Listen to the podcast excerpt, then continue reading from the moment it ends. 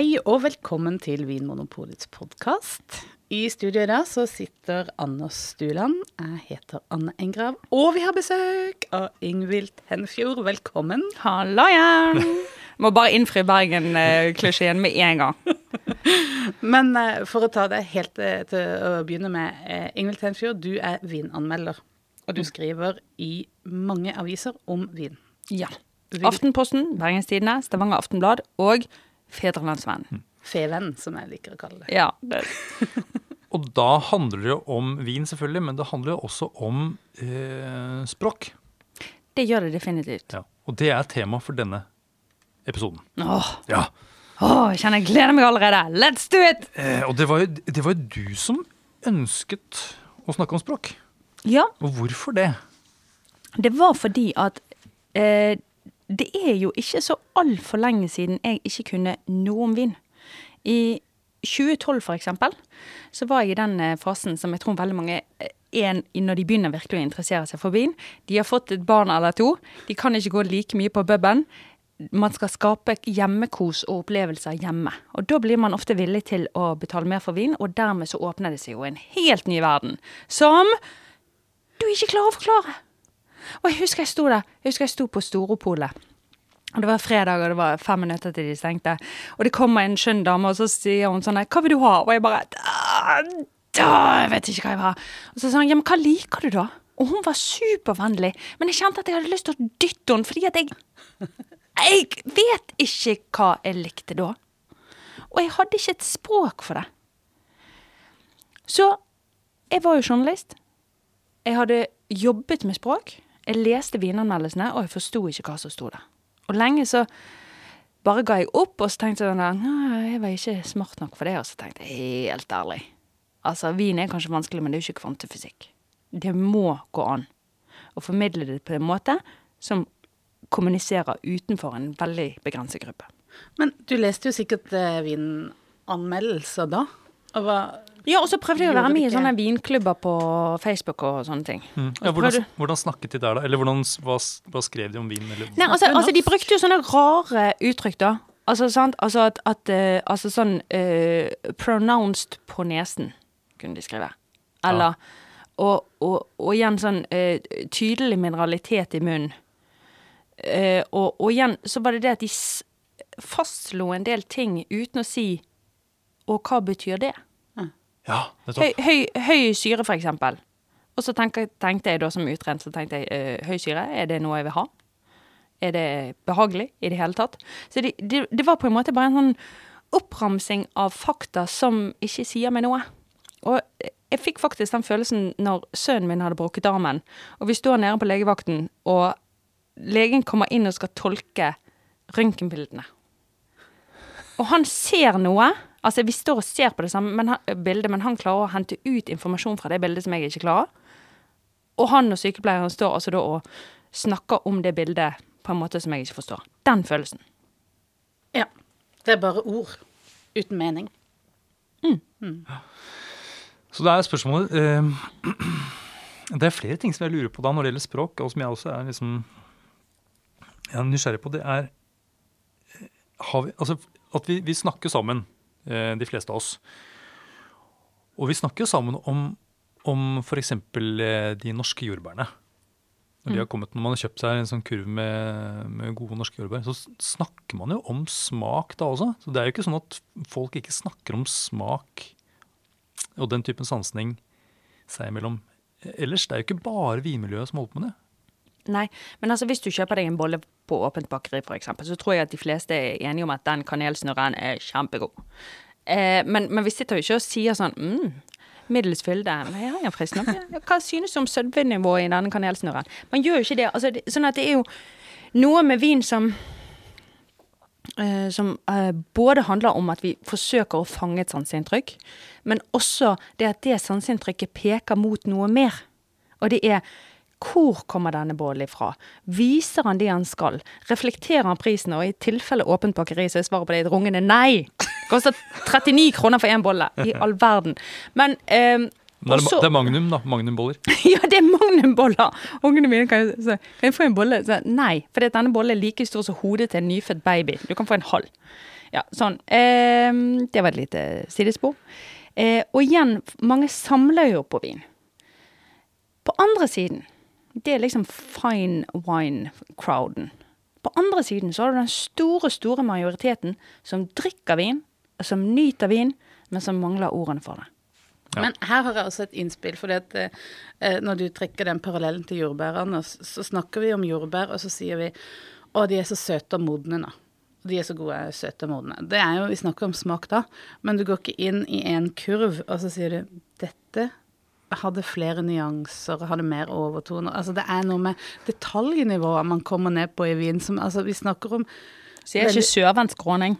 Nei, det, det er noe med at det er egentlig ganske likt. Det er jo øh, øh, min idé, da. At øh, vin smaker egentlig sånn Hvis vi ser litt stort på det, smaker det jo ganske likt. Og så skal vi sette ord på forskjellene og nyanseforskjellene som utløser da store prisforskjeller. Og så bruker vi en skala som er veldig stor i forhold til hvor små forskjellene egentlig er.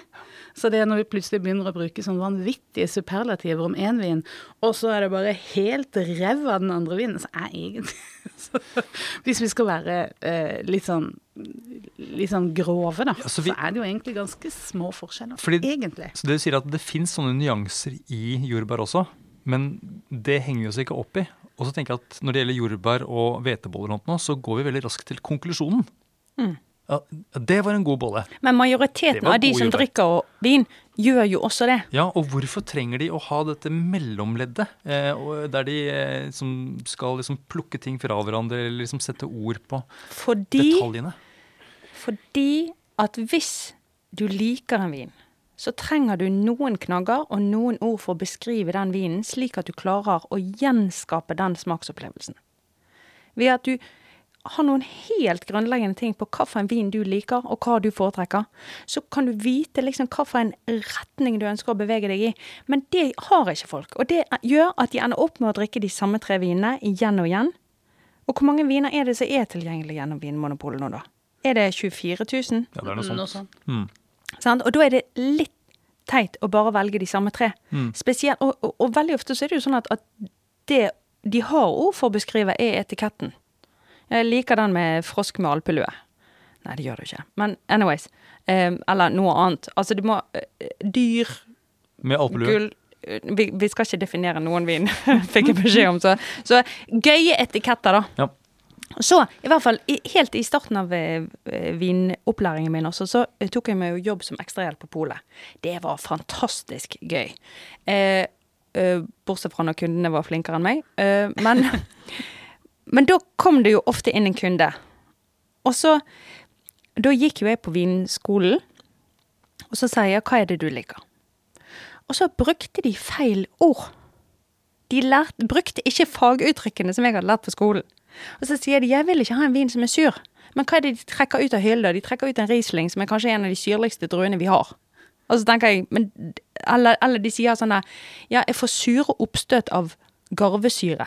Men garvesyre er et annet veldig dårlig ord for tørrhet i vin. Tørrhet er en munnfølelse som ikke handler om syre. Så hvis du får sure oppstøt, så handler ikke det om garvesyre uansett.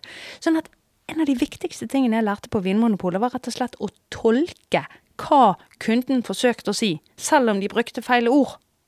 Ja. Mm. Dette kjenner jeg meg igjen i. Ja, jeg også, faktisk. Og da Ja, fordi da er det, det er, eh, Noen har fått lov til å skrive den store ordboka eh, for vin.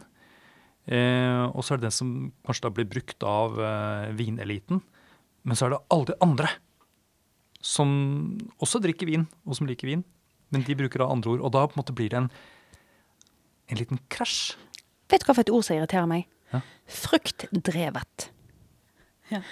Altså, hva betyr ordet fruktdrevet? Altså, jeg kan jo norsk, jeg jobber med språk, jeg forstår at det er sammen at to ord som gir mening, men sammen så forstår ikke jeg umiddelbart ordet fruktdrevet. Men det alle vil forstå, det er ordet bærete. Denne vinen smaker først og fremst av frukt og bær, i stedet for andre ting. Alle skjønner bærete. Nesten ingen skjønner fruktdrevet, og likevel så er det det vi skriver i Eller, ja, greit, jeg, jeg har skrevet en bærete ganske mange ganger, men på en måte det er viktig å vite hva er mandatet ditt. Hvem ønsker du å kommunisere til? Og hvis du ønsker å kommunisere utenom menigheten, så er det dumt å bruke uttrykk som tannin og fruktdrevet.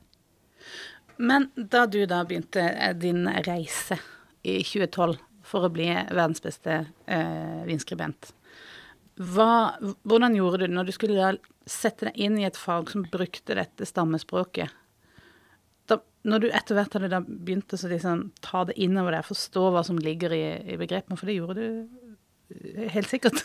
ja, eh, eh, men eh, apropos nå når vi sitter og pirker på ord, så er jeg ikke helt enig i at det er stammespråk, for det er en sjargong som er utviklet i en kultur. Men det er jo rett og slett et fagspråk som jeg måtte lære meg.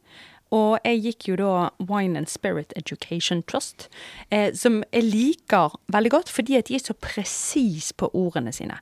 Jeg tok også den norskutviklede vinkelnerutdanningen, der det var helt legitimt å si ord som 'denne har fin syre'. Hva betyr det? Ja, hva betyr det? Men i England da sier de er den middels, middels pluss, medium minus. Altså de, de, var, de, var, en slags De ønsket å gjøre det mer presist. Helt grei syre. Det er meningsløst. Men så jeg brukte først en del tid på å lære meg fagspråket. Og så kom den store skuffelsen da jeg forsto at fagspråket var ikke nok. Fagspråket er utilstrekkelig. For selv proffene hva er det vi forsøker å gjøre da? Vi forsøker å fange et sanseinntrykk med ord. Og det er skikkelig vanskelig. Hvis du skal forsøke å forklare musikk, hvis du skal forsøke å forklare kunst, så kan du si noe om verket. Stilen, kunstneren, hvilken tradisjon det står i. Men det er en X-faktor i dette som ikke kan omsettes. Og det der, hva gjør du da, når du kjenner den musikken som liksom bare får hårene på armene dine til å reise seg? Hvordan beskrive det? Og det var der jeg bestemte meg for å ta meg friheter. Jeg, jeg, har på en måte et rammeverk som er fagspråket, og der jeg kommer til at fagspråket ikke strekker til, så bruker jeg de ordene som jeg vil. Ja. ja. Og supplerer, liksom. Ja. Mm. Og så setter du det inn i kontekst.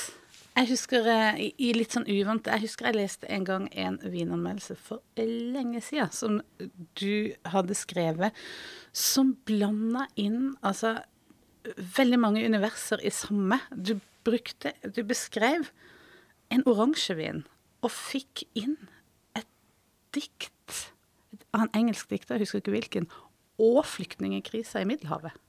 I en helt naturlig flyt. Da, det, var en, det var kanskje den beste vinanmeldelsen jeg har lest. Oh, tusen takk.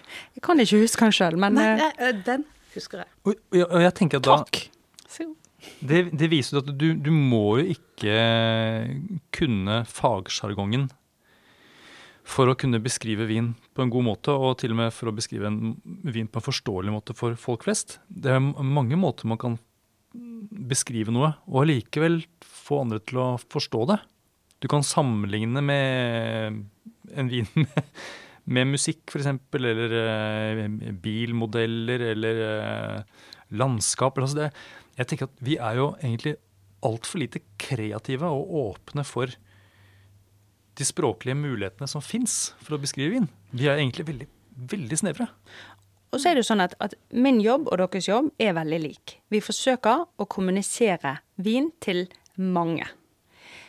Og selv for oss så er det så lett å falle inn i denne fagspråkfellen. Nylig så spurte jeg på min Facebook-side eh, hva er de flaue, teite spørsmålene som du ikke tør å stille? For vanligvis er det sånn at folk tør om å stille vin, i, Om vin.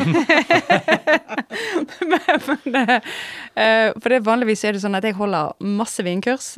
Nå med korona så er det naturlig nok gått betydelig ned. men etter da to eller tre glass vin, så er det alltid noen som tør å komme bort og så sier de, du er helt ærlig, jeg syns champagne er så godt i surt.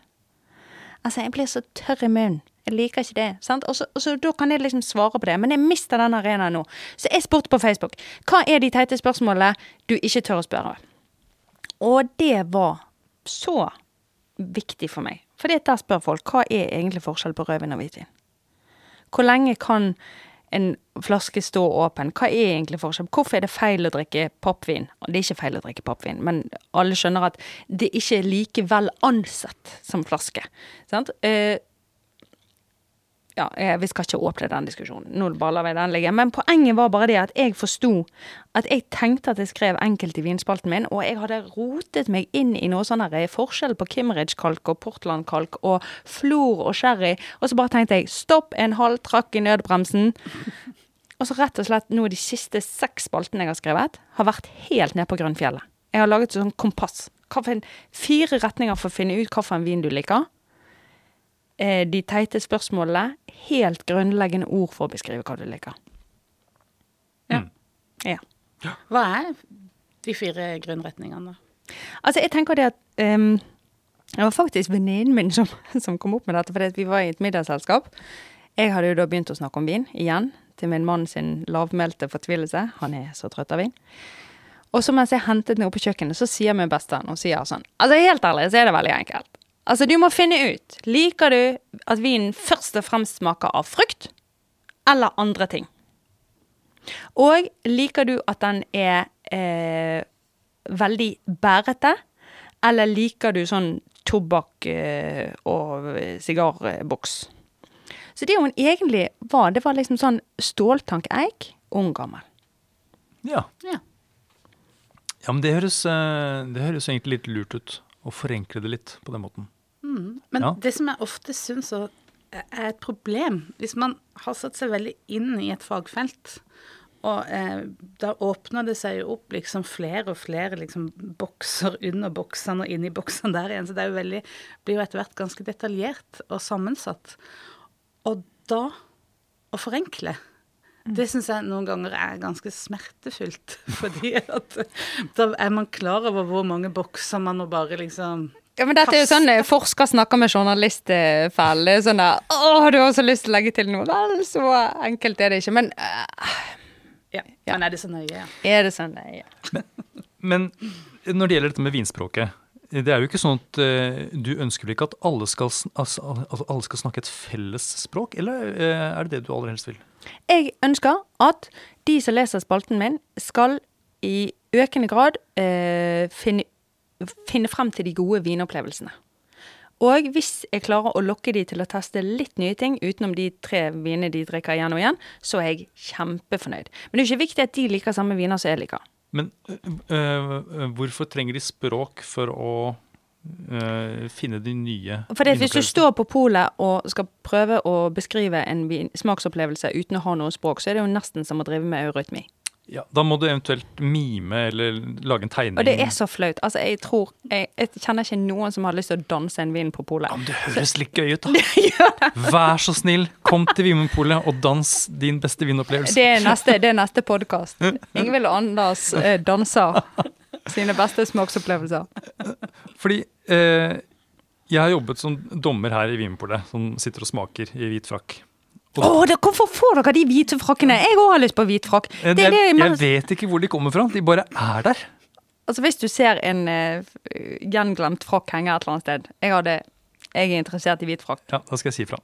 Uansett, der har vi jo veldig sånn, eh, strenge regler for hva slags språk man kan bruke. Og det er for at vi skal eh, vi skal fungere som et panel, og vi skal på en måte gjøre de samme målingene eh, gang på gang. Og sånn er det vel for deg også når du, når du er på jobb som vinjournalist, så må du også ha ditt, eh, ditt arbeidsspråk, på en måte. Men det er jo ikke nødvendig for eh, eh, lytterne generelt. Å, å, å lære seg sånn språk. Det viktigste er kanskje bare å ha et språk du selv er komfortabel med, og sånn dine egne assosiasjoner. Ja, altså, jeg må kunne to språk. For jeg, jeg ser på min rolle som å være mellomleddet mellom det faglige og det å kommunisere til folk som ikke kan så mye om vin. Men det som er helt tydelig, det er at hvis vi skal kunne snakke om en faglighet, så må vi kunne bruke de samme faguttrykkene og ha noenlunde de samme måleenhetene. Jeg husker når vi satt på vinkelnerstudiet, så var det en som sa sånn der Jeg syns det lukter våt ull. Og så sa eh, Arne Ronald nei, det er feil. Ja, men jeg syns det lukter Nei, det er feil. Ja, men jeg syns Og han bare sånn Shut it. Det er feil. Altså, da, da jobbet vi bare for å få alle inn i folden. Det var veldig nyttig, det. Ja, Det høres litt ut som en- en det å være dommer i Vimpelet. Ja. Ja. ja, kalibrering. Ja. Uh, ja, jeg lurte på er, Har du noen favorittord? Altså, Hvis du skulle ta med deg la oss si tre vinord på en øde øy? Det, er de, det, er de, det er de tre ordene du får lov til å bruke. Oi, det kan, det kan jeg ikke si, men, men eh, eh, jeg har jo skrevet syv bøker om vin, og min eh, redaktør i Kagge forlag, Tuva, hun er veldig fin, hun eh, leser jo manusene mine veldig grundig og litt strengt. Og hun har gitt meg forbud mot, mot å bruke uttrykket 'knallgod'. Det bruker jeg mer enn jeg tror. Så jeg har sånn varsel sånn, «Ah!» Jeg får et lite elektrisk støt hver gang jeg bruker ordet 'knallgod'. Men jeg synes jo at ordet 'bærete' er eh, feil på alle faglige måter, men likevel så er det sant. Og så liker jeg ordet friskhet. Det er fordi at, at jo mer du drikker og smaker vin på en sånn utforskende måte, så vil preferansene dine endre seg. Du får høyere tålegrenser for tørrhet, bitterhet og også syre. Sånn at, at veldig mange av de som har jobbet lenge med vin, vi er jo noen sånne syretroll. Vi liker ikke vin før liksom emaljen flekker av. Det er bare sånn ah, sant? Men, men syre vekker nesten utelukkende negative assosiasjoner hos andre folk. De tenker på garvesyre, smørsyre, batterisyre, maursyre. De tenker syre i vin. Jeg vil ikke ha en vin som er sur. Ja. Og der mister vi de. Så Men- friskhet er et bedre ord. Friskhet er et mye bedre ord, for det syre gir jo også spenst til vinen. Men jeg har eh, hatt en eh, litt sånn vittig eh, opplevelse med akkurat det. For jeg har en eh, hyggelig ørelege som jeg går og besøker med jevnt mellomrom. Og da snakker vi ofte om vin. Eh, ofte. I alle mulige situasjoner kommer man jo inn på det. Og han eh, ørelegen min, han sa til meg sånn Du, eh, jeg skjønner ikke det der greiene ser på Når dere skriver om vin, så skriver dere friskhet. Det er en frisk vin.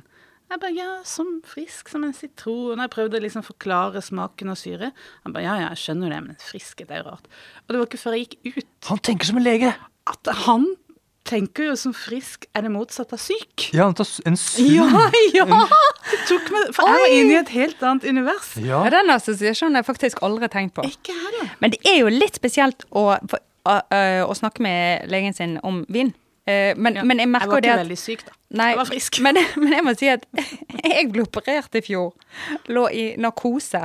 og, og, og, og, jeg, vil, og jeg vil bare si sånn Jeg elsket det teamet på operasjonsstue 7. Altså, jeg bare synes at jeg, jeg ble litt forelsket i alle som var der. De var, det var litt av en gjeng. Også i hvert fall, men jeg ble altså da vekket opp av narkosen. De har trukket denne pusterøret opp av halsen min. Og, og, og jeg ligger med en sånn dings på pekefingeren. Og da lender det seg et ansikt over meg, og så sier han sånn Jeg vil bare si operasjonen er ferdig. Alt har gått bra. Å, tusen takk, sier jeg. Jeg er jo litt sånn ruset ennå, så jeg er sånn veldig sånn elsker verden-humør. Og så sier han Og forresten, har du noen gode drikketips til ribbe?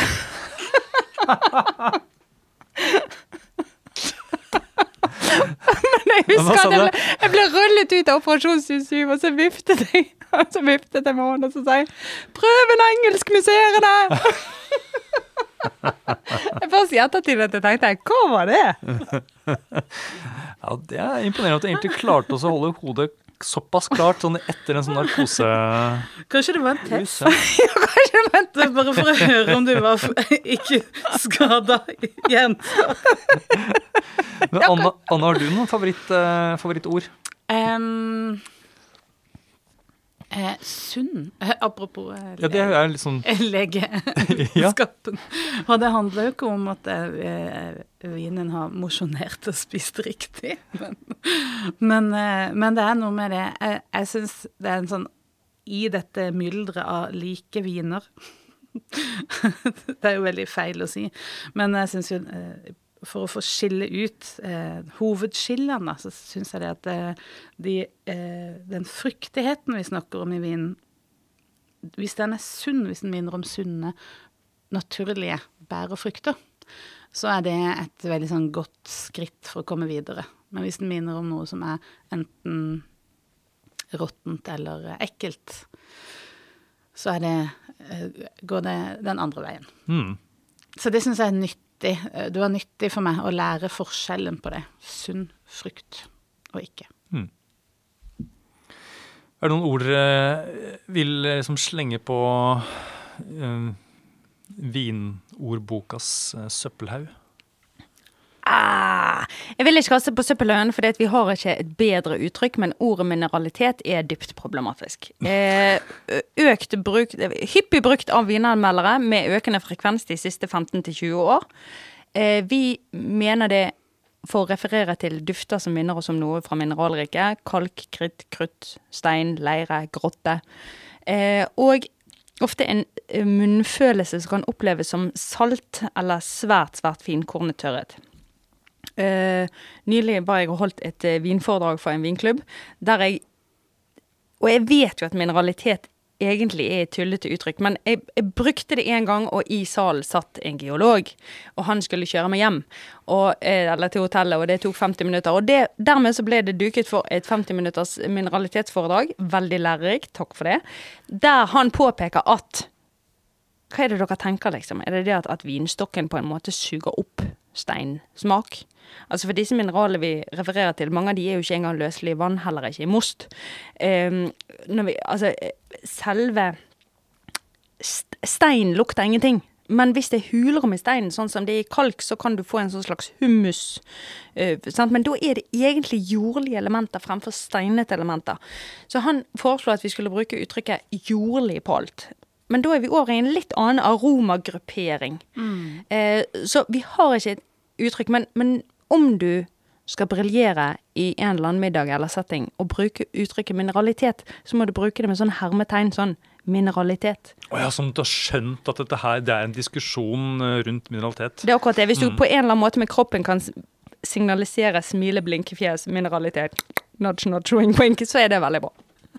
Og du da, Anders? Hvilket ord vil du kaste? Eh, oi, oi, oi. Er jeg uh, uh, mm, Typisk. Typisk, ja. Mm. Det Hvorfor liker ikke du det, da? Eh, ja, det er fordi at um, I vinverdenen så er det sånn at uh, det, det fins noen vinområder som er mer kjent enn andre, og i de vinområdene så er det kanskje da noen vinprodusenter som er mer kjente enn en de andre. Og uh, den vinen de har laget, er kanskje den som har dannet en form for skole, eller som har skapt en forventning da, i markedet. Og for at vinen da skal være typisk i, når den kommer fra dette området, så må den ligne gjerne på vinene som da er laget av den produsenten. Og etter hvert så, på en måte, så former alle de andre vinene seg litt etter denne malen. Og da eh, jeg, jeg, Det gjør at vinverden, spesielt i de klassiske områdene, den stivner litt. Det gjør det lettere å, å ta dem i en blindsmaking, og det gjør det kanskje mer Eh, lettere å markere seg i et marked. Men det, det går utover forskjellene. Hmm. Ja.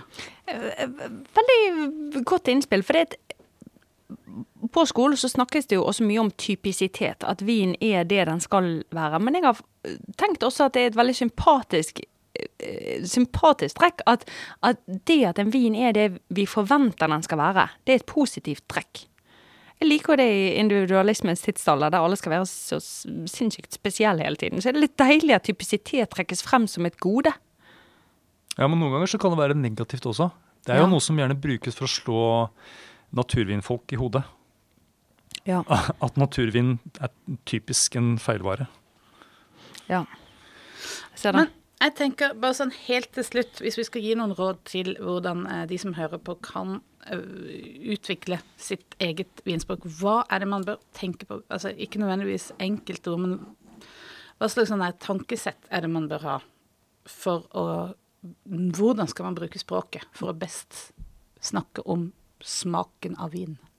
Eh, proffer eller vanlige? De som hører på. Nå sitter Anders og rekker opp hånden. Det er like før han gir henne et eple. Så vi lar deg begynne, Anders. Ja, Hvis noen hadde spurt meg, og det er litt nesten uhøflig siden du er gjest, men uh, nå har jeg Ikke tenk på meg. Age before beauty. Uh, da ville jeg sagt til denne personen som hadde spurt Uh, Bestem deg for når du, når du, finner en vin som du liker, og til og med når du finner en vin du ikke liker, så eh, skriver du ned, eller husker, tre ord, eh, og gjerne assosiasjoner som beskriver den vinen. Tving deg selv til å gjøre det. Ikke bare uh, si at den er god eller ikke god. Uh, tre ord. Og da etter hvert så får du en sånn liten liste med de tingene du liker, og de tingene du ikke liker. Og så kan du ta med den lista på Vinmonopolet, f.eks. Det var jeg veldig enig i. Da vil jeg komme med et tips til de som er sånn semiproff, eh, som smaker mye på fritiden, og egentlig kan vinspråket. Da har jeg lyst til at du går, tar et lite sjekk innover, så spør du deg sjøl hvem er det egentlig jeg snakker til nå? Bruker jeg disse ordene for å imponere en liten gjeng, eller er dette det jeg seriøst oppfatter den som? Jeg tenker jo at det der flinkispreget som preger eh, tidvis vinmiljøet, som, som ellers mangler hierarki og struktur, og der de rette ordene er en måte å klatre i det hierarkiet på. Det medfører jo, apropos det at alle innordner seg i en mal, da. Det kan være bra når det gjelder faglighet, men på samme tid så mistenker jeg at folk blir mer opptatt av å være riktig enn å være sann. Da vil jeg ha mitt lille tips, da. Også at eh, vær sikker på at du vet hva ordet du bruker betyr. det kan jo være en fin måte uansett. For å, for, eh, altså, og da mener jeg ikke at du skal bruke vanskelige, men når du sier eh, når du sier eh, frisk, så kan du være sikker på at du kan eh, skrive dette for ørelegen din og vite hva du mener med det. For da du, snakker du kanskje tydeligere.